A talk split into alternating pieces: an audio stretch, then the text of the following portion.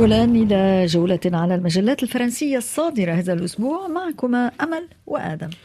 مرحبا بك يا أمل. مرحبا آدم وصباح الخير. ريتا. صباح النور. أمل هذه الجولة على الأسبوعيات الفرنسية نبدأها مع لكوريا انترناسيونال التي تساءلت كيف غيرت الحرب في أوكرانيا العالم؟ نعم أدم أشارت المجلة إلى أن الحرب في أوكرانيا أدت إلى تعطيل المجتمعات والاقتصادات والتوازنات الدبلوماسية في جميع أنحاء العالم موضحة أن هذه الحرب مختلفة عن سابقتها حيث شاهدها العالم والأوروبيون مباشرة على شاشات التلفزيون وأثارت خوفا كبيرا في قلوب جزء كبير من جيل الشباب في أوروبا وهم يرون شبح الحرب يقترب منهم بعد أن كانوا يقرؤون عن الحرب في كتب التاريخ ويشاهدونها على شاشات السينما. ونقرأ في, الصح في المجلة دائما أن الحرب غيرت أوكرانيا وروسيا وأيقظت أوروبا من حلمها في ضمان الأمن والاستقرار لمواطنيها. بالإضافة إلى أن هذه الحرب هزت النظام العالمي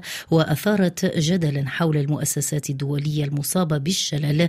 وأبرزها الأمم المتحدة وهي المنظمة. يقول الكاتب التي من المفترض أن تحظر الحرب وتضمن السلام ولكن للأسف يبقى ذلك حبرا على ورق. نقرأ في مجلة Le Courrier International عامان من الغزو الروسي وعشر سنوات من الصراع. هذا العنوان نقرأه في Marianne نعم أدم أشارت آن ديستاكيان في مقالها إلى أن الأعمال العدائية الروسية ضد أوكرانيا لم تبدأ في الرابع والعشرين من فبراير 2022 بل في الثامن والعشرين من فبراير 2014 عندما نزل الألاف من الجنود الروس الذين يرتدون الزي العسكري دون شارات في شبه جزيرة القرم للسيطرة عليها ثم ضمها إلى روسيا. وأضافت الكاتبة أن هذا الضم جاء ردا على ثورة الميدان التي قادها المتظاهرون الأوكرانيون المناصرون لفكرة التقارب والانضمام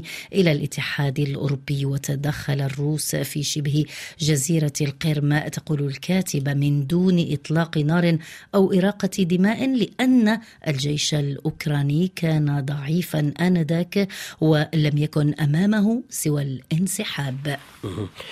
إلى موضوع آخر موضوع روسي داخلي شأن داخلي روسي أمل المجلات الفرنسية سلطت الضوء على وفاة المعارض الروسي أليكسي نافالني في الحبس. نعم آدم للأسبوع الثاني على التوالي في مجلة لوبو أو مجلة لوبوان أجرت مقابلة مع أليكسي فينديكتوف الإعلامي السابق في إذاعة صوت موسكو المستقلة والذي اعتبر أن موسكو قادت نافالني إلى الجحيم وأن موته كان نتيجة متوقعة مشددا على أن فلاديمير بوتين شعر بتعرضه للإهانة من طرف في نافالني وهو لا يغفر مثل هذه الأمور.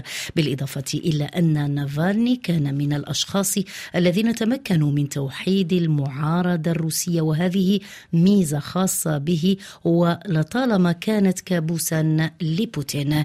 لا ينبغي للغرب أن يقع في فخ سيد الكرملين نقرأ هذا العنوان آدم في مجلة L'Express. وكتب بول فيرونيك أن الرئيس الروسي يبدي نوعا من الهدوء والارتياح السياسي خلال الأسابيع الأخيرة ويعود ذلك حسب الكاتبة إلى التقدم الميداني في أوكرانيا وفشل الهجوم المضاد للقوات الأوكرانية إضافة إلى موت المعارض أليكسي نافالني ويبعث الرئيس الروسي حسب الكاتب من خلال هدوئه وتصرفاته الأخيرة برسالة واضحة لمعارضيه مفادها هكذا ستكون نهاية جميع من يحاول الوقوف بوجه أو معارضة بوتين. الأسبوعيات الفرنسية أمل توقفت أيضا عند كواليس افتتاح معرض الزراعة في باريس يوم أمس. مجلة الإكسبريس توقفت عندما وصفته بكواليس فوضى المعرض وأشارت إلى أن افتتاح معرض الزراعة طغى عليه الصراخ والركض والصدام إضافة إلى المخاوف التي خيمت على المنظمين ومسؤولي الأمن قبل وخلال وصول الرئيس الفرنسي إيمانويل ماكرون إلى معرض الزراعة بباريس. مجلة ماريان أشارت إلى مشاكل المزارعين الفرنسيين التي تتعقد منذ أعوام ومعرض الزراعة أصبح مكانا لعرض المشاكل والمطالب وتقاعس السياسي في حل هذه المشاكل. أوصلت المجال الزراعي في فرنسا إلى طريق مسدود. نقرأ في Marianne صحيفة. Le Journal du Dimanche الأسبوعية عنونت إيمانويل ماكرون في معرض الزراعة.